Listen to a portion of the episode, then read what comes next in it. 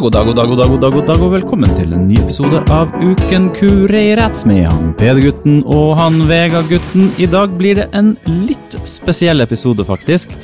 Fordi Vegard har ikke hatt mulighet til å bli med. Det har kommet ut en oppdatering til Europa Universalis, et dataspill han er veldig glad i. Eh, Så han måtte rett og slett prioritere litt eh, om i dag. Men eh, jeg har lest meg opp på en del saker, og jeg tror det kan bli en ganske god episode for det. Eller hva sier du, Vegard? Som alle vet, så kommer jo ikke den oppdateringa ut før om fem dager. Yes, helt riktig. Så da sitter du trygt her i sofaen. Europa Universalis er da et dataspill som handler om å ta over Europa. Ja, hele verden. Hele verden Da blir det utvida til det, ja. Ja. Og Vegard er en av de fremste i Norge innen Europa Universalis. Absolutt ikke. Nei. Men du er glad i å spille det, i hvert fall. Eh, Ja, men ikke så glad som du er å snakke om at jeg spiller det.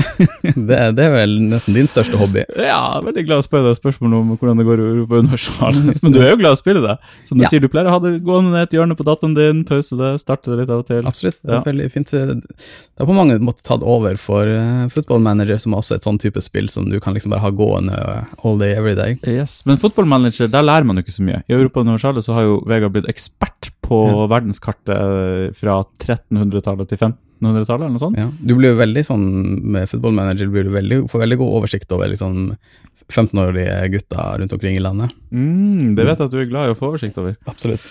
Å eh, ja, så det, det er i Norge du spiller fotballmanager i Norge? Ja. Mm. Har de det i England òg? Ja, det er jo hele, det er jo så å si hele Så de har med alle 15-åringene på en måte i verden, nesten? Ja, det er avhengig av hvor stor database du har, men det er jo sånn 100 000 mennesker sånn fra eh, IRL i en database. Wow. Jeg vet, jeg kjenner mange som har eh, eh, Havna på kjøret. havna på kjøret og ikke skrevet ferdig masteren sin på grunn av eh, på grunn av fotballmanager. Ja, men altså, trenger egentlig verden mer mastergrader? På ingen måte.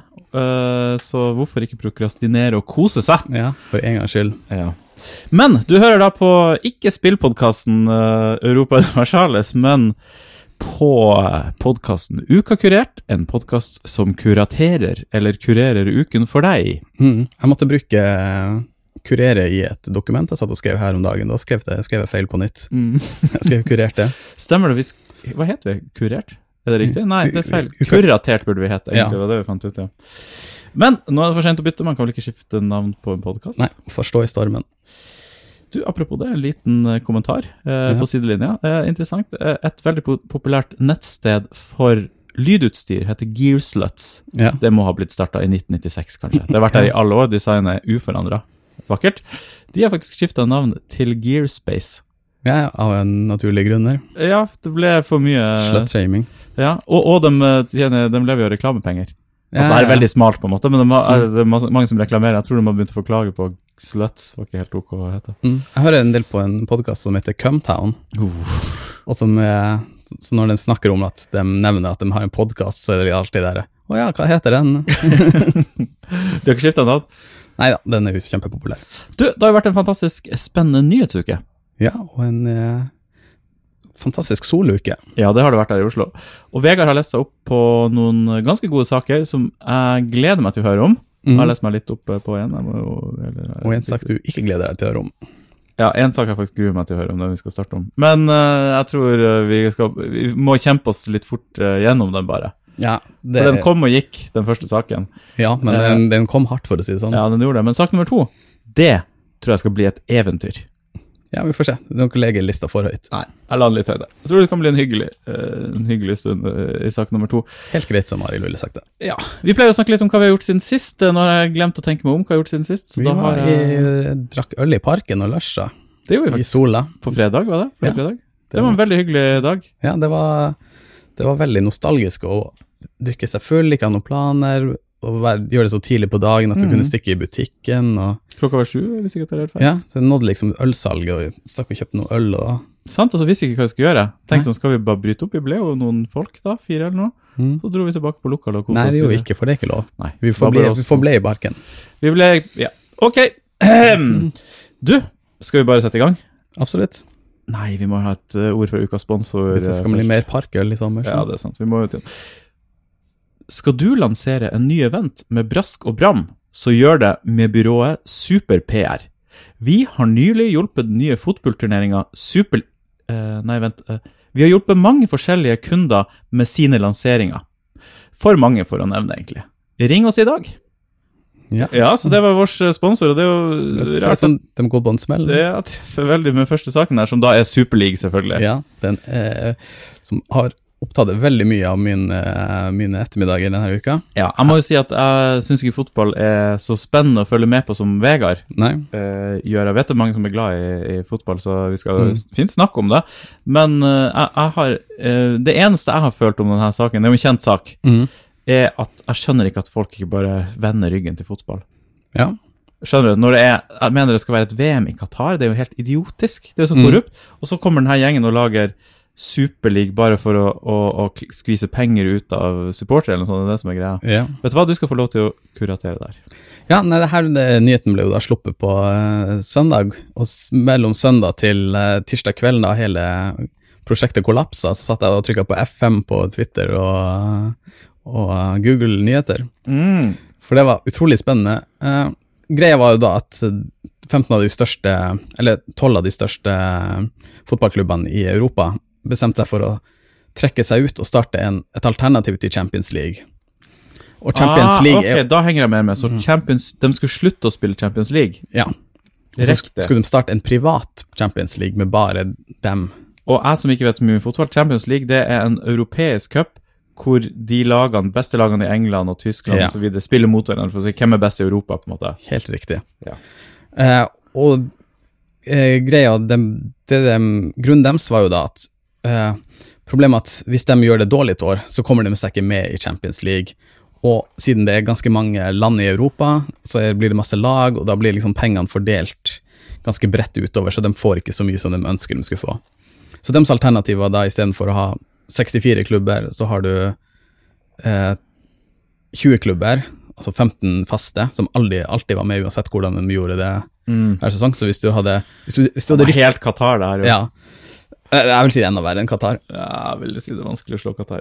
Ja. eh, eh, som, ja, så de hadde faste, så uansett hvor dårlig de gjorde det, så hvis de rykka ned, eksempel, så, så vil de fremdeles være i, i den champion, dems Champions, eh, Champions League-alternativet. Mm. Og det ble jo kjempe kjempeståhei med en gang. Alle steila helt. Eh, Macron og Boris Johnson gikk ut og sa bare det her kommer vi til å stoppe, det kommer ikke til å skje hvis vi må lage nye regler, altså nye lover for å stoppe det her, så, så lager vi nye lover. Ja, riktig. Altså, Det det var var helt uaktuelt det skulle Ja, skje. folk de begynte å snakke om at ja, hvis, hvis de går gjennom med det her, så nasjonaliserer vi lag, lagene bare, for det er en del av kulturarven. Mm. Ja, riktig. Altså, de hadde gått hardt inn. Ja, ja, ja. Og de eh, lagene ble ble liksom trua med at de ble kasta ut av sine, sine nasjonale ligaer. Så liksom Manchester United ville bli kasta ut av Premier League. Mm. Uh, og Uefa og Fifa satt Spillerne som spilte på sånne lag, kom ikke til å uh, få, få lov å spille i EM og VM, da. Ja, riktig. Så, så, så alle gikk imot, Ja, ja. egentlig. Mm. For det, det, det de prøvde å gjøre, var å skape en sånn amerikansk liga. I USA så kan jo ingen rykke ned. Så det, du er for eksempel i eh, NBA. Riktig. Så er det de samme- så det er de samme lagene år etter år etter år. Du kan ikke komme deg inn der som et nytt lag, Nei. eller? Altså, du, du kan, men da må du kjøpe deg inn, og det er liksom veldig begrensa med plasser. Jeg skjønner. Ah, så kynisk og dårlig system, da. Ja, og da, i og med at de kontrollerer hele markedet, så kan de også sette lønninger, liksom sentralt. Eh, for nå er problemet med de her eh, Jeg begynner å skjønne. Så det er bare ondskap som eh, ligger bak det, og den større ondskapen det jeg hadde trodd først. da. Så det amerikanske systemet er det bare penger som styrer det, og det har ingen konsekvens å komme på sisteplass, egentlig. Faktisk så konkurrerer de ofte på slutten av sesongen om å komme på sisteplass. Fordi den som kommer på sisteplass, får velge i draften. Ah, Og neste høst så får du liksom draft, så får du velge de beste college-spillerne. Spiller de da dårlig med vilje, på en måte? Ja. Det øh, skaper jo litt problemer, det òg, da. Ja. Ok, jeg skjønner. Så de prøvde å gjøre det i Europa, egentlig, da. ja. Eh, problemet var jo at det, det var 240 000 andre klubber og andre nasjoner som, som steila helt på det her, da. Mm. Eh, og eh, det tok da, som sagt, to dager, så begynte folk å trekke seg. Så nå har jo alle de engelske klubbene trukket seg ut fra Ja, så da skjer det ikke? Er det enda liksom sånn noen tenker at det skal skje? Eh, Han, han Altså, de, de hovedpersonene som har liksom drevet det i gang, ja, i hovedsak han presidenten i Real Madrid, Mm. Uh, han, han sier jo en at ja, nei, men folk har skrevet under på 23 års kontrakt. oh, ja, det er så 23 års kontrakt? Ja, de skulle Herregud. få De hadde en avtale på 4 milliarder dollar det første året på, på å liksom sette i gang hele Så det var utrolige 4 summer. milliarder og 40 Så snakk om 400 35 million, milliarder norske kroner da, Ja, så det var sånn Ja, 4 milliarder per klubb fikk de første året. Det er jo helt crazy. Mm. Men ehm, jeg tror ikke så mye på konspirasjonsteorier, ofte, fordi det må være så mange involvert. og Ja. så sjelden det. Men her har jo alle de her klubbene tydeligvis hatt hemmelige møter i lang tid. da. Det må de ha hatt. Ja, og det var jo også en del grunn til at eh, det gikk så dårlig, var jo at grunnen til at det funka som en konspirasjon, var jo at det var bare eierne som hadde snakka sammen. Så ingen av trenerne, ingen av spillerne, ingen av de som jobba i klubben for øvrig, visste noe om det. Riktig. Men det må jo ha vært ganske mange folk involvert. 20 eiere der, eller noe sånt, ja. Som har klart å holde tett. Det er jo nesten litt utrolig. ja, det har jo vært litt snakk om det, men liksom alle har trodd at det var At det bare var snakk. At, for, for det har jo vært lenge en sånn her eh, eh, Når man skal oppdatere Champions League med nye liksom, eh, fordeling av midler og sånn, så, så har de alltid brukt det som en trussel. Mm. At eh, ja, ok, hvis ikke det hvis ikke vi får mer, mer av, av potten, så kommer vi til å starte vårt eget. Ja, jeg skjønner. Og så, så har folk Det var et utløp for den trusselen liksom, Ja. som de prøvde seg på, men det gikk jo heldigvis til helvete. Ja. Så for en gangs skyld så, så seirer det gode. Ja, det, det er jo litt artig det her med at eh, Det var noen som nevnte at det, det her var jo nesten nuclear war, da. Mm. Man bruker det eksempel. Problemet med, med en atombombe er jo det at eh, når man hadde det her som en trussel, med at å, nå bryter vi ut og starter en superleague, så er det en slags som en atombombe du har i, i bakhånd. Mm. Men når du da slipper atombombe og den ikke funker, så sitter, sitter du jo litt i det. At eh, oi, du har jo ikke det som en trussel lenger. Nei. Så det er jo det er mange som sier at ja, men ok, men kan ikke du bare altså, slu, slutte å gi dem det de spør om hele tida, for den har har ikke noe å true med lenger. Mm. Ja, så nå er vi egentlig ferdig. Nå kan fotballen få lov til å leve istedenfor det, tror du det? Vi, vi får se. Ja. Men- Jeg boikotter enda VM i Qatar. Jeg syns det er enda helt vilt. Ja. Spinnvilt. Nei, det er jo fascinerende at, eh, som du sier, at det, det er jo kanskje litt verre i og med at 3000 mennesker har dødd. Det var jo ingenting som døde av det her. Ja. Men det, det traff så utrolig mye på liksom Det var så utrolig mange som ble ramma rundt omkring i Europa. Altså liksom I, i Norge så for eksempel Bodø-Glimt vant jo serien nå, så nå Mhm. kommer jo dem til å konkurrere i Champions League. Ja, Det er ja, det hadde ikke vært noe Champions League da, plutselig. Nei. Det hadde ikke vært like mye stas. Ikke sant? Så Europa mister litt av det. Men, men eh, et spørsmål Jeg merker jeg, jeg syns ikke det er så gøy å snakke om uh, fotball. Nei, Så jeg har lyst til å bevege meg videre snart til neste tema. absolutt ikke. Har du masse du skal si? Vi har, vi har en time til. Uh... Uh, men, men jeg har bare lyst til å si, eh, spørre deg et spørsmål, egentlig. Du er jo folkets stemme. Ja, går det an å snu ryggen til fotball og starte på nytt? Går det an å dele ut kortene på nytt og gjøre fotball på nytt, på en måte? Må det være det her pengejaget og de rike eierne? Går det ikke an å si, vet du hva, nå skal vi konsentrere oss om andredivisjon i England. Det er egentlig mye mer interessant å følge med på. Mm. På en eller annen måte går det, går, er, det, er det, det er ikke noe man kan gjøre? Nei. Nei For det, andre, det blir så kjedelig å se på andredivisjon. Vi har sett mye Vålerenga-kamper. mm. Det er jo ikke så gøy å se på, kanskje.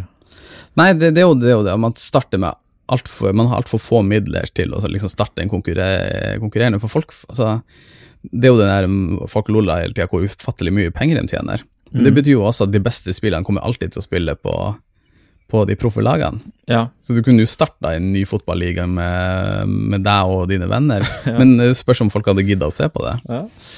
Og hvis du skal gjøre det andre veien, så må hvis du skal få investeringer til å liksom starte fra toppen av, som de her prøvde, eh, da er jo problemet at eh, Ja, nei, eh, altså, da blir jo alle, alle satt i system mot deg. Skjønner. Så vi er fucked uh, uansett, eller dere som er liker fotball. Eller ikke, fordi det fungerer greit sånn som det er i dag, bare at det er sykt dyrt å se på og kjøpe billetter og TV-rettigheter og alt.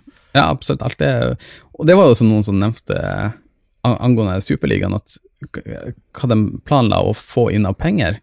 For det er Kanskje det her er naivt, men det føles ut som prisene er litt maksa ut, sånn som det er.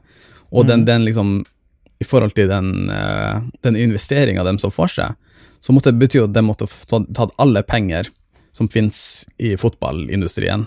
Altså alle streamingpenger måtte gått bare til den ligaen. Riktig, for at det skulle mm, Ja. Men de kunne sikkert ha tatt veldig høyt betalt, pluss at 23-årskontrakt, da har du litt tid å øh, Jo, men det er jo liksom igjen det er som om du skulle starte en streamingtjeneste, og ifølge ditt budsjett så skulle du Måtte du hatt alle streampengene i hele verden. Ja, for, å, for at budsjettet skulle gå opp. ja. ja, jeg skjønner. Det var bra det her kollapsa, da. Ja, Eh, jeg skjønte ikke så mye av saken, må jeg innrømme. Eh, Nå skjønner jeg det godt, når Ja. du har kuratert det for meg. Men jeg har jeg bare liksom leste noen overskrifter og skjønte at folk var veldig sur på det. Jeg skjønte ikke helt hvorfor. Nå skjønner jeg det veldig godt. Og bra at det her kollapsa. Ja. Så Uka kurerte fornøyd. ja. Takk for at du kuraterte godt, godt den kuratert. for uh, meg. Jeg, jeg, jeg, føler, jeg føler jeg sitter ennå med veldig mye nå, så jeg får eh, s- ta en sånn bonusepisode der jeg bare sitter og snakker ja, om det her. Er det greit? Du kan få nevne én ting til hvis du vil det. Nei da, jeg skal, skal, skal gi meg der. Ja, For du er enig at neste sak, den smeller noe jævlig. Absolutt. Det vi skal snakke om nå, er en nyhet fordi det har skjedd noe i den saken akkurat. Og det som Ja. har skjedd, er at Bernie Madoff er død. Made of. Madoff, er Mm. som man sier det? Madoff. He, he made off with all the money. Ah, riktig. Uh, Ber Bernie Madoff, uh, han uh, var en finansmongul, eh, kriminell mm. hustler. Ja, eh, det viste seg jo da. Ja. Som eh, har en veldig interessant historie. Hele denne historien er egentlig veldig spennende, og det har gjort eh, dokumentar på den som jeg tror ligger på Netflix. Eh, Ja, det, ja, både en dokumentar på Netflix og en HBO-film som jeg så som research. ja. Det var veldig dårlig research i og med at den handla bare om liksom livet hans. Mm. Prøvde å unnskylde hvorfor han har blitt som han har blitt. Han kom fra en fattig familie. Nei, det var, det var, det var mer sånn bedømmende. Ja. Men, men det var liksom veldig tydelig sånn personstudie. Så Bernie Madoff, han hadde har drevet det som heter en Ponzi-scheme, stemmer ikke det? Det stemmer, det. Er det han som oppfant Ponzi-schemen? Nei, det var Charles Ponzi som oppfant Ponzi-schemen. Ok, så det var noen hustler før han som hadde hustla? Ja, det her var fra, på 1920-tallet, noe sånt. Riktig. Mens han Bernie, han eh, levde Når var det han starta der fondet sitt? Han starta det på 70-tallet, Altså, Ja. Og så- men han var vel store liksom fra 80-tallet og 90-tallet. og- Ja, og jeg merker det er mange løse tråder der for folk som ikke kjenner til han. Men eh, vi starter på 70-tallet da, med at han starter opp et fond. Er det det han gjør? Ja. Et fond det betyr at folk kan putte penger i det fondet, og så får de en avkastning. Og et vanlig fond funker jo sånn at hvis fondet tar lite risiko, så får du lite avkastning, men da, du, tjener kanskje ikke så mye, men du taper kanskje heller ikke så mye. Hvis fondet tar mye risiko, så tjener du mer, men du taper også mer når aksjemarkedet går ned. Ja. Bernie Madoff sin genialitet var at alle som putter penger inn, får etter 6 ja, noe sånt. 6 eh, økning hvert år. Og det er noe man ikke kan si. Det går ikke an å ha et sånt fond, fordi det går ikke an å ha et sånt fond, for du kan ikke si det med sikkerhet, og du står i fare for å tape veldig mye penger. Så nå vet vi det, at hvis noen kommer til deg og sier gi meg pengene dine, så skal du få 6% avkastning hvert eneste år, så er det en skam. Ok, du skal få lov til å kuratere deg, for du har sett dokumentaren. Ja, nei, eh, som, som du akkurat sa, det var, det var et fond der folk investerte, og, og 6 er egentlig ganske lite. Altså sånn uh, I hvert fall der vi er i dag, Ja. hvor bitcoin kan gå opp 10 000 på et år og sånn. Ja, og han, han var veldig på at liksom, du får, eh, du får ikke kjempevekst hos meg. For det er, jo, det er jo en vanlig scam, ville du gjerne sagt 10% 20 Han var jo ganske smart å skamme, for han sa liksom 6% vi investerer ganske trygt, men litt, vi har litt sånn her en uh, greie vi gjør som gjør at du får litt et par prosent ekstra. Mm. Uh, og det er ja, ganske trygt. Uh, og ja, han styrte det her fondet da i, i 25 år eller noe sånt. Mm. Før det da, i 2008, når folk virkelig begynte å trenge penger og skulle begynne å trekke ut penger igjen, eh, så plutselig eh, kom det da frem at oi, han hadde ikke noe særlig eh, investering igjen. Alt var bare putta på en konto, som han han satt pengene inn på konto, og når folk skulle ha penger ut, så tok han det rett ut fra kontoen sin. Ja, det er det som er så gøy. Så han, øh, han har da Det er jo helt komisk bare hvordan folk kan holde Mm. på. Han later som han har et fond. Han later som han investerer pengene du gir han, Mm. eh, og at du, da får en 6% avkastning hvert år. Så folk fikk vel sånn brev hvert år der det sto sånn Nå har du så mye penger. Ja, og, og de fikk liksom eh, ut, utskrift over hva, hva de hadde investert pengene i, hvor mye de hadde tjent. Og alt det her var De lagde sin egen software som kunne skifte dato på sånne eh, utskrifter. Mm. Så de skrev ut sånne gamle utskrifter over alle de fortjenestene du har gjort. Og så de satt bare på, på kvelden og så på finansnyheter, plukka ut noen aksjer og sa det her har vi investert i, og så lagde de en fake, eh, fake ting som så ut som dem Ja, sånn at du hadde så, så folk ga penger til han fyren. Han putta det bare på en bankkonto som ble større og større, og på Mm. bankkonto så får du jo ikke 6% vekst. Nå har du jo kanskje en rente på 0,5% på en måte. Mm. Så det vil si at de pengene sto der, men han sa til folk at hvert år fikk de 6% mer, og han sendte dem ark der det virka som de hadde investert i aksjer for dem, men de, han ville ikke snakke om hvordan det her fungerte egentlig. Nei, Var ikke det, det at det var sånn hemmelig, liksom? Ja, og det var liksom veldig hemmelig at Ikke si at du har penger her, fordi, fordi det er veldig eksklusivt fond. Mm. Men så viste det seg jo bare at fordi tallene ikke ga mening i for, forhold til hvor mye han tjente, så ville han ikke at folk skulle snakke om det her. For hvis, vi, hvis noen visste hvor mye som var i fond og begynte å regne liksom på at å ja, han tjente mer enn hele aksjemarkedet, Mm. så hadde det plutselig gått galt. Ja, så, um, så i øverste etasje på det her eh, stedet de holdt på, så, så er det liksom flotte kontorer og sånn, et par etasjer under, ettersom jeg skjønte, Ja. så sitter det liksom folk med sitt eget utvikla software og bare trykker sånne skammete Ja. sjablonger der det står hva du har eh, investert i. Det var artig på den her eh, HBO-filmen som jeg så, for da, da var det veldig sånn estetisk eh, skilt, at det var liksom store vinduer og veldig glossy og fint. Mm. Og på det kontoret så satt de bare med permer over hele, og kjederøyka på sånne gamle CRT-skjermer. Ja.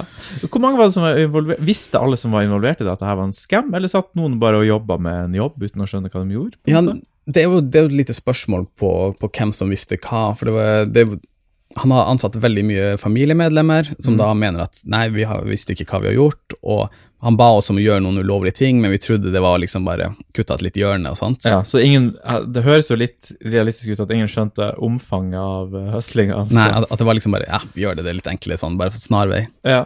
Um, så det her kollapsa da i 2008. Finanskrisa kommer, aksjemarkedet stuper, og folk vil ha ut pengene sine.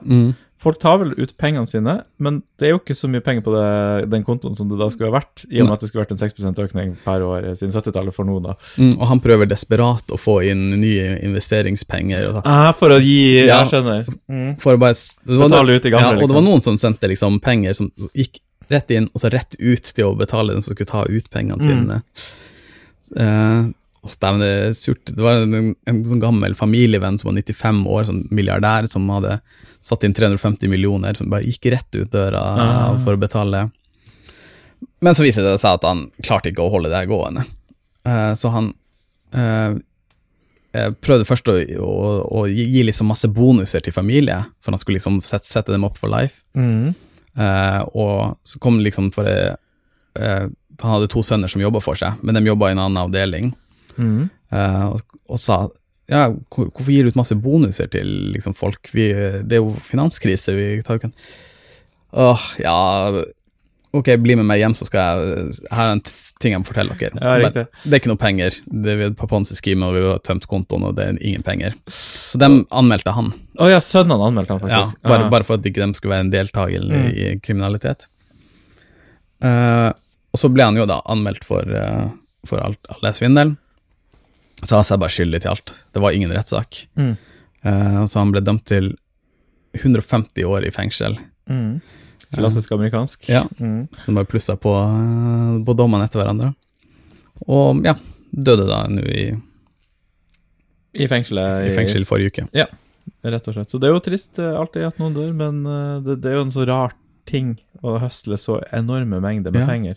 Og det verste var at han var en ganske banebrytende fyr inn i, i, eh, i aksjemarkedet. Ja, For han var jo en av dem som starta opp eh, Nasdaq-børsen. ja. Han, han pionerte veldig mye sånne her eh, trades og liksom teknologien Mm. og, og Altså på papirarbeidet rundt ja, det her. Og så endte han opp med en Ponzi-scheme, så rart. Ja. Hvordan begynner sånne ting? Man liker jo å tenke at han starta med at han fikk noen investeringer, putta det på en konto og tenkte å Mm. investere det. Og så kom han aldri i gang med investeringer, og så bare vokste problemene, på en måte. Ifølge filmen, men jeg, jeg vet ikke hvor, liksom, hvor nært den går i virkeligheten, Mm. så, så var det i 87, Black Monday, eh, at han tok masse tap, og da begynte han liksom å å bare, jeg, jeg gidder ikke det her, det her systemet rigga mot meg, og, og bla, bla, bla. Mm. Og, og da begynte han med det Ponzi-scheme istedenfor. Ja, riktig. ja. Så han starta, prøvde å starte lovlig, og så endte Ja. han bare mm. Og, og så var det vel bare noe som bare rulla på seg, så han tenkte Ja, jeg skjønner. Men de sønnene, hadde dem Ja, på en måte så er det her en ganske trist historie. Jeg hørte på en annen podkast jeg hører på som heter uh... Sånn vi gjør research, vi bare hører på andre Og så altså, jeg bare gjengir dem ja, på, på engelsk. Jeg husker ikke hva han heter, podkasten. Uh, men da han snakka om Det var utrolig sånn trist historie, for han her var en ganske sånn familiefar, og han hadde liksom Nei, eh, familiemann, og han hadde liksom alle familien sin i, i konsernet, men han hadde dem liksom skjult fra den uh, kriminelle aktiviteten. Mm. Men så endte det jo opp med at søn, sønnen uh, anmeldte han, de slutta å snakke med han. Han ene sønnen For alle sammen trodde jo at sønnen, altså folk i familien var involvert i det her. Mm. Så han ene sønnen syntes det ble så mye press, han tok selvmord. Og tre år senere så døde han andre sønnen av kreft. Og de her eh, som skulle ta tilbake pengene, da, for det er aktor eh, eh, ansatt en fyr som skulle ta tilbake alle Ja, for det er pengene. enda en aktiv sak, faktisk. Ja, ja, ja. Prøve å få pengene tilbake. Mm. Så liksom barnebarna hans ble saksøkt for collegefond og eh, Mm. alt sånt der. Eh, og så hun kona som han var gift med siden han var 16 og hun var 13, eh, og hun måtte flytte til Florida i, i sånn liten enromsleilighet der, og Mm. bor vel ennå der da. Ja, må sende kvittering på alt du kjøper til Ja. aktor eller et eller annet sånt, ikke det? Så det. holder det bra. Det er jo bra det, for så vidt, men det er jo en trist historie til syvende og sist. Ja. Eh, Det var jo 41 millioner som var investert, eh, milliarder dollar som var investert, og han har klart å få tilbake 14 milliarder dollar. Så Ja, det er er 30 milliarder dollar som er, Det er bra å klare å få noe tilbake ut av Ja. det her, som så han står på. Du, det var veldig godt eh, kuratert. Ja, Der tok du meg godt gjennom den saken. Det var gøy å høre på. hadde litt mer enn sånn. eh, Ja, ok. Jeg stopper altfor tidlig her, eh, jeg, Vegard. Ja, ja, ja. Jeg haster jo videre, vet du. Jeg har jo en, eh, en, En eh. Jeg har jo en, et, en hjertenær sak som blir neste. Ja. Bare et, et artig eh, moment er jo at 2,5 milliarder av de pengene som var insistert i han, er aldri blitt claima. Eh, fordi det er liksom det, det de tenker da, at det her er fra sånn lyssky aktivitet, at de som har liksom investert pengene, har ikke lyst til å alle de spørsmålene. Ja, riktig. Så Så de har liksom, til å mm. Ja, så de har liksom gått vekk fra 2,5 milliarder dollar. Ja. Jeg føler det er av og til penger forsvinner, sånn som i bitcoin. Ja. Folk, Jeg merker det sjøl. Jeg kjøper jeg, jeg har jo eh, jeg hadde jo 800 kroner i bitcoin for ett år siden. Nå Mm. har jeg 9000. Nesten 10 000. Bare fordi du glemte av det. Ja, fordi jeg glemte av det. Mm. Og jeg tror det er veldig mye sånn, i hvert fall i bitcoin Kanskje ikke aks- aksjemarkedet sitt det er så regulert at det er arv. Hvis noen dør, så arver man vel det, og jeg tror det er liksom et system på. Men i bitcoin, eksempel, kjøper Mm. noe, glemmer passordet til den kontoen, det må være mange, mange milliarder i bare penger som har forsvunnet, på en måte. Ja, det var sånn nettopp en annen sak om en sånn eh, familie som solgte et hus, og så fant de fire millioner i gull i huset. Oh, nice. Mm. Fikk de beholde det? Eh, de ga det til kommunen, så Ja, det hyggelig. ty tydeligvis godt. Kunne det vært en gladsak, det der. Hadde vi, hadde vi hatt det, men vi har jo en gladsak i dag òg. mm. Og en annen ting som jeg liksom la merke til når jeg eh, For det her var jo han var jo en av de få som man liksom husker fra finanskrisa i 2008, med, Mhm. med navn, liksom. Alle andre var veldig sånn herre eh, Ja, det, det, det er ingen andre navn som stikker igjen i hodet. Goldman Sachs, da, kanskje litt. Hm? Goldman Sachs. Ja, men han var jo ikke en person, da. Han Ja, var bak. Eh, og det, det slo meg litt Det er en slags parallell med den her, eh, vi hadde, saken vi hadde om denne gata i Frogner. Ja. Og det er, det er noe med at Problemet til han Goldman Sachs var at han stjal jo fra rike folk. Nei, Goldman Sachs. Uh, Bernie Bernie, Madoff. Var at han stjal fra rike folk som investerte i han. Mm. Uh, alle de her eh, svarte, fattige folkene som mista husene sine fordi de ble liksom satt opp Ja, det er helt til sant. dårlig Det er det ingen som husker. Det er Nei. de rike alltid som, som sitter igjen, for de skal ha pengene sine tilbake. De skal fort kjempe den kampen. Ja. Og de sa liksom veldig mye i Det var én linje i denne filmen som sa liksom at og, For den var veldig på at å, du stjeler fra veldedighet og sånt. Men så sa jeg på lista at veldedighet ligger jo kjempelangt nede. Mm. Altså, 80% av det er jo bare til andre banker. Mm, så det er de rike som kjemper kampen for å få pengene sine Ja, igjen. men de vet at, det liksom at ingen bryr seg om om Goldman Sachs får tilbake sine, Mm. sine investeringer. Det er om Blå Kors får pengene tilbake. Ja, mm. Så de fronter liksom alle de her eh, veldedighetsgreiene. Jeg skjønner, de rike blir bare kyniskere og kyniskere. Ja, men det er noe med at de har connections med med liksom journalister og sånt, og det er derfor Ja. jeg, jeg tror det bare er ren og slett De er i samme krets. Ja, så hvem du kjenner. Mm. Mm. Ressurssterke folk. Det er jo ofte det. Jeg tenker ofte på det i de der um, utkastelsessakene som uh, dukker opp i Norge av og til. Mm. En innvandrer som uh, har fått ulovlig opphold og skal bli kasta ut. Noen ganger blir det veldig mye blest om det. Ja, det er fordi de har fått seg sånn Altså, de har venner. Ja, venner Ja. i media. Ja. Spesielt hun um, i 2010 så, Jeg husker ikke navnet hennes. I Trondheim. Hun, uh, jeg hørte på en podkast akkurat om uh, den saken. Mm, det er god research. Ja. Men nå husker jeg ikke hva hun heter, så da hjelper det ikke. Hun, hun, hun var Var hun russ? Hun er ikke russisk, jeg husker faktisk ikke engang hvor hun var fra. Mm. Men Russland, som ble hennes land, og så var hun i Norge og studerte og alt, og det var ingen grunn til å kaste henne ut i det hele tatt. Nei. Helt norsk, men hun hadde ikke norsk eh, statsborgerskap, og så hun ble liksom kasta ut. Men det ble en svær mediesak, for hun jobba jo Å ja, hun der, ja. Hun skrev bok og sånn. Ja, og hadde bok om det og hele pakka. Mm. Så da ble det mye blest, men samtidig som all den blesten var, så ble det jo sikkert kasta ut hundretalls folk Ja, ja, som ikke kunnskap. Så det, det, det er noe urettferdighet i at Det blir en slags popularitetskonkurranse. ja, de ressurssterke, liksom, det er de man eh, som, Ja. som styrer agendaen i det. Ja, de rike får beskyttelse. Mm. Altså, Jeg jeg jeg, vet hun så rik, da. Jeg syns det var bra at hun kjørte den saken, men eh, mm. Ja, og, og det, man kan jo liksom si at det er jo mange som Det er veldig fortjent sikkert at de får liksom saken sin opp.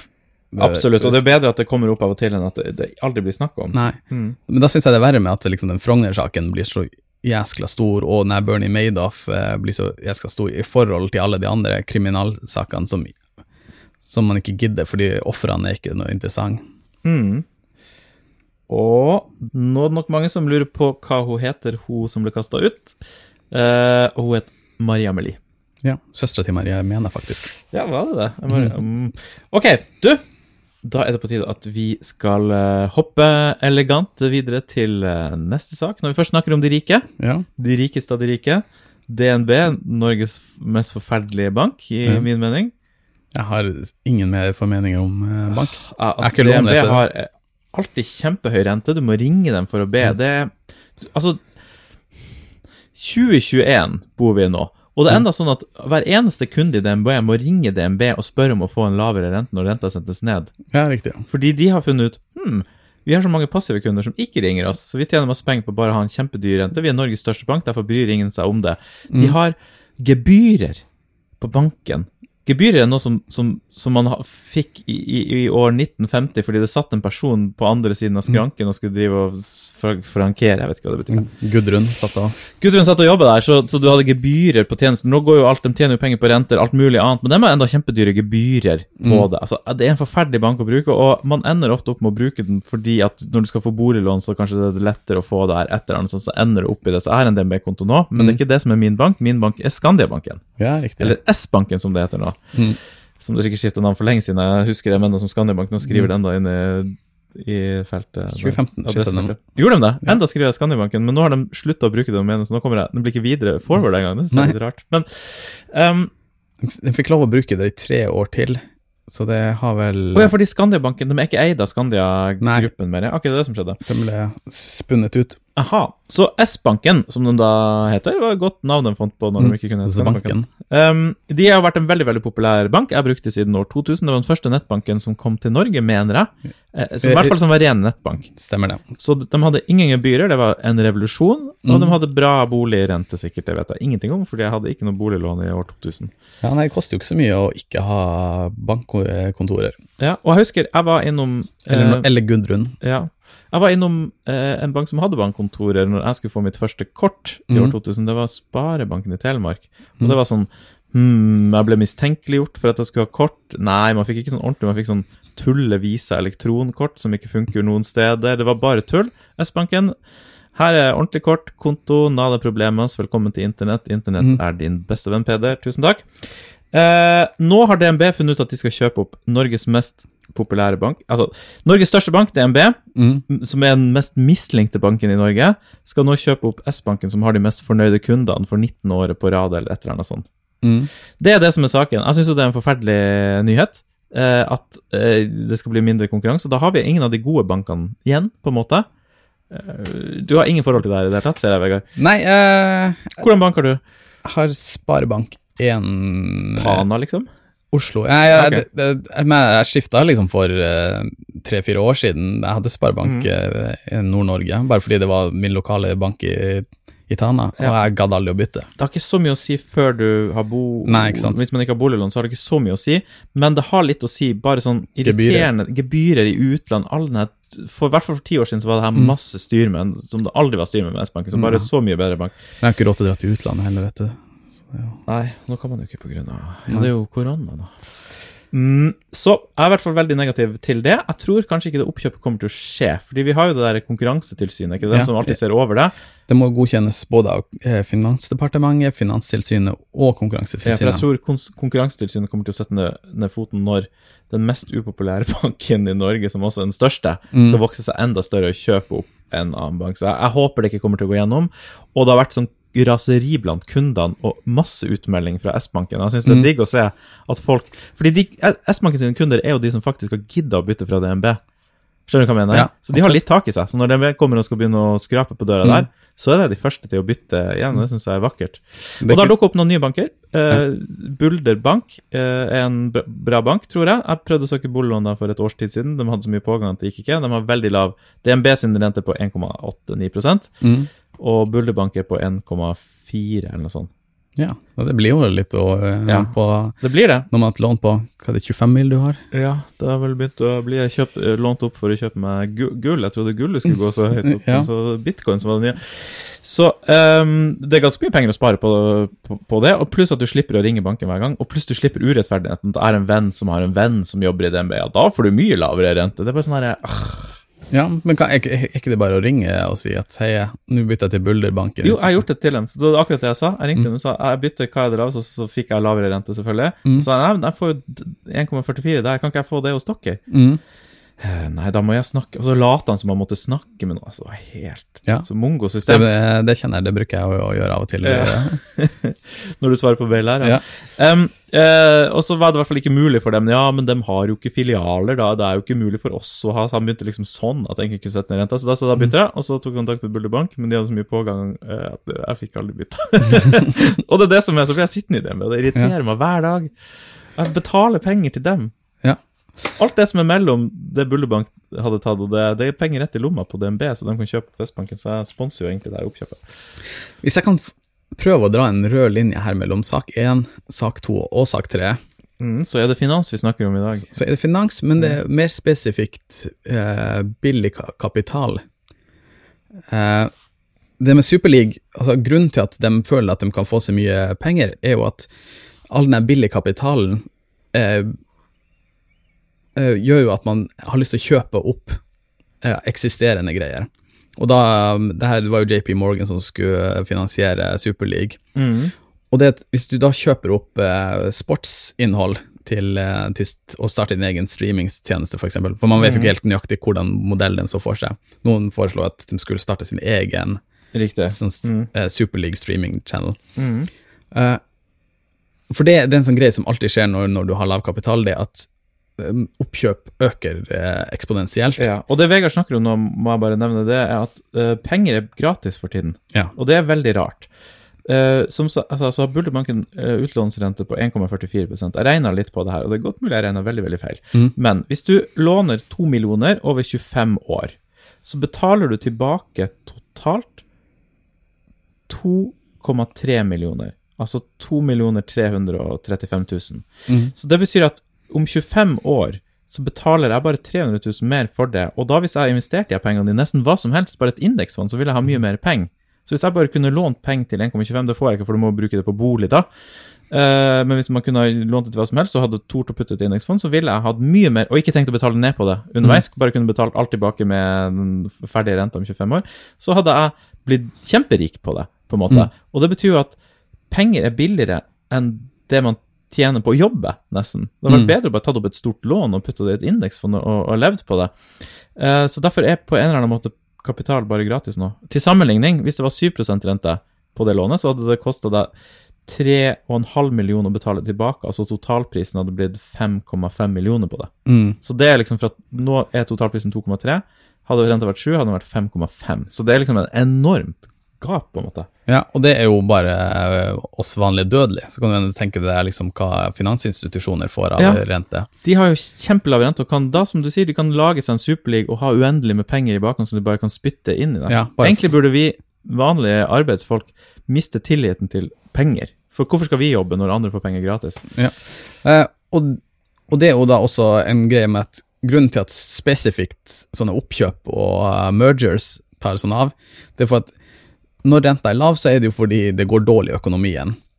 Mm. Så du har ikke lyst til å starte opp eh, JP Morgan har jo ikke lyst til å starte opp JP Morgans restaurantkjede, Mm. fordi folk har ikke penger. Men hvis du kjøper opp eh, eksisterende strukturer som du vet tjener penger, og kan liksom kapre hele markedet der, så tjener du så sykt mye når markedet kommer opp igjen, og det er, det er litt billigere den eksisterende greia. Og da hvis du drar den vi, eh, videre til eh, Ok, vi hopper over Bernie Madoff, men når vi drar til DNB, så er jo det oppkjøpet nå fordi det er så billig Mm. for dem å kjøpe opp ting. Ja, for de har penger, eller de Ja, får penger. Det, Mm. det koster dem ingenting å kjøpe opp eh, Skandiabanken. Ja. Og fordi- den går jo rundt, den banken, så Ja, det er jo no-brainer, liksom. Og når liksom økonomien tar seg opp igjen, hvis den gjør, noen gang gjør det, så vil jo da plutselig eh, altså, dem ha utrolig mye mer markedsandeler og eie mye Ja. mer av markedet. Det var veldig godt uh, ku kurert. Kurert, ja. Bra, Vegard. Da har vi både kuratert og kurert. Det er ikke hver episode. Nei. Du, skal vi ta en liten gladsak til slutt som ikke handler om finans? Ja, og som ikke er en gladsak. Nei, men det er nærmest vi kommer en gladsak i dag. Ja. Bergen har funnet ut de har veldig mange mannlige gatenavn, Ja. så nå skal de forby mannlige gatenavn. Ja. Og heller ha kvinnelige. Det er jo en overskrift, og det trenger man å si så mye mer. Endelig. Ja, jeg syns det var veldig gøy. Det var sitat fra um, en MDG-politiker, tror jeg, Mm. i Bergen, som har vært med på å vedta det her, eh, som sa eh, ja, eh, det kan jo bli litt vanskelig, fordi når jeg sitter og tenker, så er det jo ikke så mange kjente kvinnenavn jeg egentlig kommer på, som har et problem allerede før de har starta. Ja, det blir jo hun, Trude Dreveland var jo den forrige, men hun ble vel tatt for korrupsjon eller noe sånt, Ja. så spørs om det. Vi har ikke så mange kvinner å velge, så vi må ta det. Nei da, det er sikkert mange kvinnenavn å, å ta, men historisk sett så er det jo veldig mye mannsdominert, på en måte, alt det her, så det er jo en liten uh, tenk. Men jeg har en idé til dem. Ja. Gå inn i mytologien. For du kan jo Ja. alltid ta sånne norrøne navn. Mm. Uh, og da har du jo Frøyas gate, Men ikke Odin, det er ikke, det er ikke lov. nei, nei, og Lunas gate. Ikke sant? Du kan gå inn i mytologi. Man trenger Ja. jo alltid alle de her eh, blåbærstien og krøkebærstien kan man jo også ha, liksom. Mm. Nei, jeg, jeg, jeg tenkte jo først Åh, for en idiotisk sak, det gidder vi jo ikke å, å snakke om. Mm. Uh, for det er jo en sånn her, liksom, hva man skal si om det. Ja ja, det er MDG gående MDG. Mm. Uh, for det var jo da bystyret ved Arbeiderpartiet, MDG, Venstre og KrF som, som mm. bestemte det. Og De trenger ikke å ta det opp, for det er bare en sånn byrådssak. Ja. Uh, så det, det er jo en litt sånn her idiotisk sak. Bare, å, nå har feminismen gått for langt, altså. Mm. Jeg ble litt sånn nysgjerrig på det, for jeg leste lederen til, til VG som skrev liksom i, i forsvaret av det her, Mm. og det var en ganske dum leder, da, men det var én setning de skrev som jeg beit meg sånn tak i. Der de skrev at uh, for Frp og Høyre Var imot, selvfølgelig. var imot, og de sa det her er system, systematisk diskriminering andre veien. Mm. Eh, og, men i, i denne lederen til VG så skrev, skrev de nei, det her mener ikke vi er systematisk eh, diskriminering, heller tvert imot. Og så biter det meg tak i liksom, hvorfor skriver jeg det på den måten? Og også, også hvorfor er det her eh, eh, forslaget ikke at hei, nå skal vi prøve å få flere kvinnenavn, så vi prioriterer det litt. Man, man, man skri- sier det som at vi skal forby mannsnavn Mm. og denne leder, lederen istedenfor å si ja, det, det er kanskje system, systematisk diskriminering, men det, det er et ganske stort ettersleng, så, så det, det gir mening å liksom pushe kvinnenavn en periode. Mm. Hvorfor sier man ikke på den måten, men istedenfor å si det på, på en måte der det er liksom objektivt falskt? Det er jo, det er jo det er jo systematisk diskriminering. Selv om du kan mene at det, er for en god sak, Ja. så er det jo det, men hvorfor sier man det, det motsatte av det som, som faktisk er virkeligheten? ja. Jeg, jeg, jeg prøver litt å tenke på, for det, det er en sånn gjennomgående ting Det var en annen sak også med MDG som mente at det burde koste 50 kroner for kjøttdeig, Mm. med ekstra avgifter pga. miljøet. Hvorfor, altså, hvorfor går man ut så pr- provoserende? Eh, Man skulle tro liksom at politikken at man prøver å finne kompromiss med hverandre og ja, finne saker der alle kan, kan s- eh, stå bak Mm. og også i journalismen, at man skal ja, prøve å se litt nyansert på det, få litt begge sider, og, og skrive på en forklarende måte, sånn folk kan, kan liksom Du kan eh, eh, kommunisere ditt poeng veldig enkelt. Mm. Så hvorfor gjør man det så, så provoserende? Det må jo være bevisst, eller ikke, ikke sånn bevisst-bevisst, men altså, det må jo eh, ha en hensikt. Mm. Er det at MG har lyst på overskrifter, kanskje, bare? For du vet at det der blir en Ja. overskrift. Det blir ikke en overskrift 'vi skal prøve å få litt flere kvinnenavn'. Da hadde ikke vi snakka om det. Nei, og det samme med, med VG, at det, det skaper kliks. Mm. Men det her var jo en del, det var jo inn i, inn, inn i artikkelen. Og og det slår meg noe med at det, det er sånne ting som, som foregår veldig mye i, i eh, liksom på den moderne venstresida. De snakker om at det her er vold mot min person, hvis, hvis du de får liksom eh, klage på et eller annet.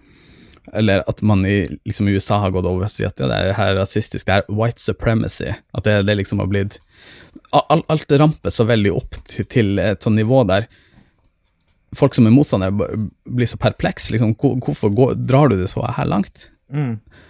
Og jeg mener jo Det er en nydelig rant, Vegard. Det er deilig å høre deg rante og være engasjert i, i et tema. Ja, for jeg, nå har feminismen gått for langt, altså. Ja, Er det det som er konklusjonen? Nei, konklusjonen er at det her er jo en gammel taktikk liksom fra, uh, fra venstresiden. At, at provosere for å liksom bryte opp i det bestående for å liksom de her gamle hvite menn som styrer alt. Problemet er bare når du går fra utsiden til innsiden av politikken, eh, så provoserer du ikke de grå hvite menn. Du provoserer Altså, dem som sitter og irriterer seg over det her i kommentarfeltet i VG, er jo ikke eh, direktører eller mannlige politikere, sant? de er jo helt med på det her. Det, det dem du provoserer, er jo er liksom eh, folk som trailersjåfører og folk som jobber på havna. Mm. Skjønner, de treffer egentlig ikke de de som man tror Nå er det de, de hvite menn som pusher 50 Ja. vi tar her, på en måte, men de, Men- er tør ikke, de sier ikke noe imot uansett. Nei, og, men, og, men du kan fremdeles spille den her eh, som jeg jeg vet jeg gjentar meg sjøl veldig mye, men det her er offer, at man manøvrerer seg sjøl inn i offerposisjon. At du da kan sitte som byrådsleder i eh, Altså, hun her gjorde jo ikke det, men altså, byrådsledere og sånt kan si åh, nei, nå er det si- sinte hvite menn som, eh, som går løs på oss, eh, på oss stakkars kvi- kvinner i MDG. Men det er jo byrådet, det er jo altså folket som klager på byrådslederen. Du har jo snudd helt på hodet med liksom hvem som er offer, og hvem som er altså, jeg vil jo si Det er ikke strengt tatt noen offer i denne saken, da, men du skjønner hva jeg mener? at Hvem som har makta, og hvem som ikke har makta i det her forholdet. Og jeg tror det er derfor det er sånn ekstra provoserende altså, at når man bruker sånne her eh, frihetskjempertaktikker mot folk som ikke har noe makt over det, heller vice versa. Så det var min rant. Ja, tusen takk. Det var deilig å høre deg engasjert i en eh, rant. Jeg mista tråden litt etter hvert uh, der. Ja. Men, eh, Men våre lytter, derimot ja. Og du er litt smartere enn meg, så du henger jo gjerne litt uh, mer med på det. Ja. Men, men jeg er enig i, i ranten, for så vidt, selv om jeg ikke forsto alt av det. Så, ja. så jeg er enig i, i ranten. Og Ja. det er jo en gladsak, men uh, Hvis dere er enig, så send oss mail på ukakurert.gmail.com. vi, har ikke, vi har ikke noe mail. Har vi mail? Ja, ja, vi kan Har vi mail? Oi, vi har mail! Det må vi huske å informere om. Du gjorde akkurat det. Ja. Du, uh, det har vært litt av en episode. Ja. Eh, det har vært mange saker om finans. Også, Highs and lows. Eh, highs and lows. Eh, og det ble kuratert og kurert så bra, helt frem til det kom til Bergen sitt mannlige gatenavn som skal slutte å brukes. Ja, da ble det bare en rant, men det var greit nok, det. Sint hvit mann. De som sovner i podkast Nei, det var frekt å si. Nei da, ingen som sovner. De Nei, er skru, som- skrur av bare av og Eh, det er bare jeg som alltid Vet du hva, jeg er litt trøtt faktisk i dag. Så Oi. sikkert bare jeg som blir forvirra når det blir så mange ord. Det er jo begrensa hvor mange ord jeg klarer å ta inn eh, ja. i hodet mitt. Du kjenner ikke den referansen? Nei. Det er ingen som tar den. Eh, Det, eh, man, jeg gikk jo på musikklinja i sin tid, og da er det en veldig artig uttalelse fra en konge, en, en fyrste, eller hva det var, som hadde typ Mozart leid inn som eh, huskomponist. Ja. Fordi da eh, reiser komponistene rundt, og så var de liksom på et slott og bodde der, og da komponerte de for den kongen og sånne ting. Mm. Og så var det typ en stor komponist, typ Mozart, som hadde skrevet et sånt flott verk som har blitt veldig populært i ettertid. Det hadde vært litt gøy hvis kongen hadde fått inn Alan Walker eller noe sånt til å lage musikk til han. Ja, nå ja. Ja. Enig. Som kom inn, og så eh, lagde han et stort, flott verk, og så er det et av sånt verk som har stått igjen i ettertid, som veldig bra, liksom. Mm. Og når det var ferdig, så var kongen litt sånn mm, Nei, det var interessant. Men det var nok litt mange toner. Du vet, det er jo begrensa hvor mange toner et øre kan ta inn i Mm. løpet av et minutt. Ja. Så jeg tror nok vi skal ha litt færre toner neste gang. Der er den referansen som ingen noen gang tar. Yes, men neste episode skal vi prøve mindre ord. Ja, du, Vi skal skynde oss hjem previously også. Ja. Eh, Jeg føler at vi har uh, sittet her så lenge at lytterne begynner å bli gærne. Men du hører jo på podkasten vår i to timer og sånn. Nei, jeg hører le- så lenge som vi som den går. Som den går. Jeg begynte å høre på en uh, gøyal podkast nå, faktisk. Vi skal komme med et lite tips. Absolutt. Eh, og det er uh, Fredrik Nietzsche. Er jo en uh, filosof Friedrich Nietzsche. som sikkert mange har hørt navnet på. Jeg var en fyr som bare har hørt det navnet, og forbinder det Mm. med sinte folk på videregående som endelig har funnet meninga med livet og skal gå i svarte klær og snakke Ja. om Fredrik Nietzsche. Det, han er jo veldig apropos min rant med slavemoralitet og herskermoralitet. Ja. Vegard er jo faktisk professor i filosofi, Mm, eller bachelor i hvert fall. Noe sånt. Ja. Uh, Fredrik Nisje, da, har eh, han godeste um, Skaus Skaus plass. eh, Ikke Alexander, men Kristoffer Skau. Kristoffer Skau og en annen filosof, professor, filosofiprofessor. De har lagd en, Han professor filosof. eh, yes, en, en podkast om der de leser gjennom Fredrik Nisje sine bøker en etter en, og så går de gjennom det på en måte i hver episode. Ja. Og det er ikke så mange bøker, det er kanskje åtte bøker eller annet sånt. Jeg bare syns det er veldig gøy å høre på, fordi ah, Fredrik Nisje er jo Han er jo Han er jo en så cocky, rar fyr, og de tingene han skriver, er bare så crazy. At, Mm. at det er en fryd å høre på den podkasten og høre sitatene hans. Det, altså Den første, første boka han skrev, forordet der, er direkte til um, Wagner. Wagner. Wagner, jeg ser for meg at du nå sitter med et glass vin i hånden og leser denne boken, denne geniale boken jeg har skrevet, og får en ny innsikt i livet. Altså, han bare forhøyer seg. Altså, det er veldig gøy å høre på, syns jeg. Ja.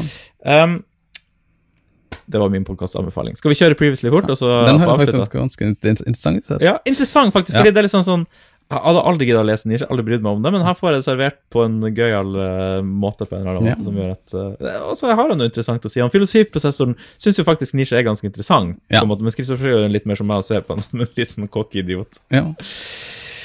Previously Vi snakker jo ofte om korona i denne episoden, i denne programmet. ja.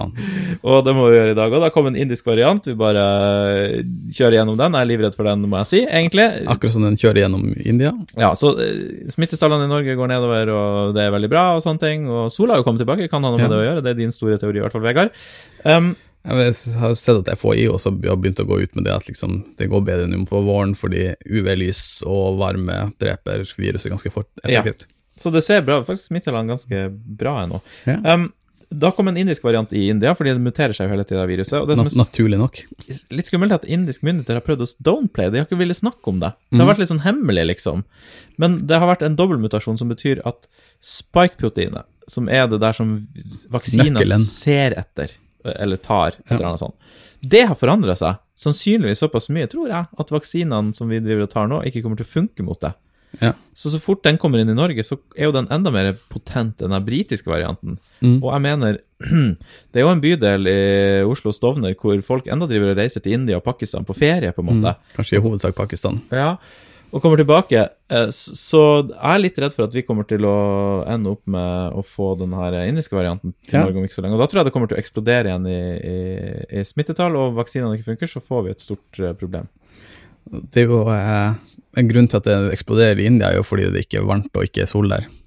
Ja, men ja, Det er det jeg ikke skjønner. UV-lyset funker i Norge, men ikke i India. Ja, men altså, man må jo ha alle de andre tingene. Altså, hvis, hvis, du er, hvis du er i et land der det er 35 grader ute, så er du kanskje ikke så mye i parken og drikker Ja, sånn, ja. Du, du sitter inne, ja. innendørs. Ja. Og Ja. pluss at det er veldig veldig mye, mange av dem. ja. Og det har jo vært en sak nå at det er ni ganger mer smitte blant pakistanere i Norge enn eh, enn øvrig befolkning. Ja. Merkelig nok, uten noen grunn til det, men det er jo veldig vanskelig å Men det var mange som hadde reist ned i bryllup og sånt. Ja, det er det, ikke sant? Ja, det var jo, Jeg vet ikke hvor mange, men det var iallfall en sånn, som hadde liksom En politiker som hadde gått ut og sagt eh, Å nei, nå, nå må vi ta ansvar som pakistanske folk og være, være like flinke som nordmenn. Og så hadde mannen hennes nettopp vært ned på et stort bryllup i, Ja. Pakistan. Det kan være en enkeltsak. Jeg vet ikke. Absolutt. Jeg vet ingenting om det, må jeg ærlig innrømme. Det er bare det man har sett i overskriftene. PK-media, vet du, de nekter å dekke det. Ja. Men um, vi får håpe at vi klarer å holde den eh, varianten nede. Og det virker som folk eh, på Stovner òg tar uh, smittevernet veldig seriøst egentlig for tiden, så jeg vet ikke helt hvordan smittetallene er der. Jeg tripper dem går ganske mye ned også, for det har gått ned i hele Oslo. Jeg må ærlig talt innrømme at jeg har slutta å følge litt, eh, litt med på det. Ja. Men jeg, jeg så, apropos, for jeg hørte du nevnte det her med indiske, så jeg prøvde liksom å google det litt før, før sending. Mm. Og da sa de jo at de hadde registrert in, sånn indisk mutasjon i Bergen De har gjort det, ja. Ja. Riktig. for seks dager siden. Ja. Uh, og- så var det intervju med han Nakstad om det her, og han, han virka ikke så stressa på, på Nei, det. kanskje det er bare meg. Jeg bare Ja. har liksom virker som det har blitt downplaya, og så virker det som man ikke tar det så Mm. seriøst som han kanskje burde. Nei, og Han sa at den sørafrikanske og den brasilianske er var, han var mer uro, urolig for dem, for den spredde seg liksom fortere blant folk. Riktig. Men jeg vet ikke om han bare ser på R-tallet, og han ikke tenker på vaksine. Det kan Mm. være det at han bare ser på R-tallet. Ja, riktig. Hvem vet, vi får se i framtida. Vi får det, vet du. Det var vel det vi hadde på planen i dag. Ja, jeg visste ikke om vi skulle snakke om den eh, vår rike venn Arild. Som, Kryptokjøp. Jo, Jeg tenkte på det, men jeg tenkte, det, nå er vi allerede på Norges lengste podkastepisode noen gang. absolutt ikke Vi er ikke topp ti av våre egne engang. Er vi ikke det? Nei. Vet du hva? Da kjører vi en liten uh, kamera til, da. Ja. Uh, kryptovaluta er jo populært for tiden. Ja, Jeg lover det her blir siste sak. absolutt. Uh, kryptovaluta eh, har vi snakka mye om i denne podkasten nå. Det er jo derfor vi er på Previously nå. hvor Vi snakker om tidligere ting. Uh, denne saken handler om en mann som skulle kjøpe seg et uh, hus, Ja. eller en leilighet i Oslo. Som Han gjør. Han hadde masse kryptopenger som han tok inn og skatta av. Alt Mm. var helt greit. DNB, selvfølgelig, skulle hjelpe han å kjøpe hus. Det gjorde de Mm. ikke. De nekta å ta det imot som egenkapital, fordi Jeg vet ikke Det er hvitvaskningsregler. Jeg vet ikke om, om det stemmer eller ikke, det, men det var det det sto i overskrifta. Ja, så det har et eller annet med at man må kunne dokumentere at man eier pengene, sikkert, eller et eller annet. Ja, tjent- hvordan man har tjent det. Så det her har vi ikke researchet så bra, merka. Men jeg, jeg kjenner jo litt til det, for det, det, jeg er veldig glad i å stille meg sånne spørsmål om ja, hvor kommer pengene, og du må alltid når du skal lage en konto, krysse av for sånn Mm. ja, jeg driver ikke og mottar masse penger fra utlandet. Det er liksom mange Mm. sånne ting, da. Men jeg syns det er rart at de skal kikke på de kryptopengene, i hvert fall når de har skatta det. Når, Ja. det, når penger er skatta, mener jeg, da er de hvite, liksom? Jeg, ja jeg, jeg, jeg vet ikke nøyaktig hvordan det For du kan jo hvitvaske penger og fremdeles betale skatt av det. det er vel Ja, det er jo det som er hvitvasking, ja, er ikke det? Ikke sant? Så når du har betalt skatt, ja, greit. Så det kan ligge noe hvitvasking bak, ja, ok. Så nei uh, Jeg syns det var en interessant uh, At vi- ja. greie. at selv om du For det er jo også noe vi har snakka om om Penger er ikke penger, liksom. Nei. Og at det, det er ingen som tar ut egentlig krypto. Det er ingen som vet hvor man tar ut eh, Nei. krypto. Jeg har aldri møtt på noen som noen gang har tatt ut Nei, ikke eh, krypto. Jeg vet ikke hvordan jeg gjør det. Jeg tenkte en tanke, for jeg har jo den kryptokontoen min. da. Ja, med det sånn som dere skal jo bruke på restaurant. Yes. Eh, Men, blir du bare ta med din wallet på restaurant? Ja, det hei, hei, hvordan betaler jeg hva er deres eh, wallet eh, key? ja. Uh, nei, men jeg tenkte det når jeg kjøpte det, det er jo alle noen som tar det ut, man bare venter jo at det skal øke. jeg vet ikke, Men det er jo noen som tar det ut, tydeligvis, fordi at det går jo, stuper jo ned av og til, det der greiene. Så det må jo være at folk uh, selger. Absolutt. Så det er nok mulig. Det hadde vært gøy å prøve å ta det ut faktisk litt. Kanskje jeg skulle gjort det nå. Ja. Solgt litt av kryptoen min, fått 2000 inn på konto, så bare Ok. Ja. Så det er faktisk ekte penger. Ja, Men skal du skatte det? Nei, for det er under 9000, så jeg vet ikke hvordan det funker. Det, jeg tror det er under en viss sum, så trenger du ikke å skatte det. Du, siste ting jeg har lyst til å nevne, Ja, hvis det er lov. En siste ting. absolutt. Faste. Vi snakka Ja. om det i forrige episode. Mm. Og vi har jo snakka om faktisk å faste i neste uke. Og jeg har ikke klart å bestemme meg helt, men jeg er litt frista til å gjøre det. Hvor du er nå? Og da tenker Jeg er jeg veldig frista. veldig frista Jeg har jo covid-korrupsjonen har slått inn hardt med meg. Eh, Så eh, fast, begynner fasten på mandagsmorgen, så Ja. siste måltid spiser på søndagskvelden, og ikke lov å spise mat igjen Ja. før Jeg mener på fredag. Ja, fredag, ok. Mm. Jeg trodde du mente mandag til Nei, å nei, nei, nei, nei. Det hadde ikke jeg gått. Eh, Men jeg klarer ikke å bestemme meg, for i dag så sto jeg opp og tenkte jeg sånn Den eneste gleden jeg har i mitt liv, er å spise mat. Ja. Skal jeg ta bort den gleden nå? Da har jeg intet igjen, Vegard. Nei. Nei, du får Jeg er veldig for. Ja, jeg er også veldig for, for jeg har lyst til å gjøre det. For jeg, husker, jeg gjorde det en gang før, for tre år siden fant jeg ut. Jeg fant den ut når jeg gjorde det i Ja. 2019. Du kommer ikke til å gjøre det i mai når sola er oppe.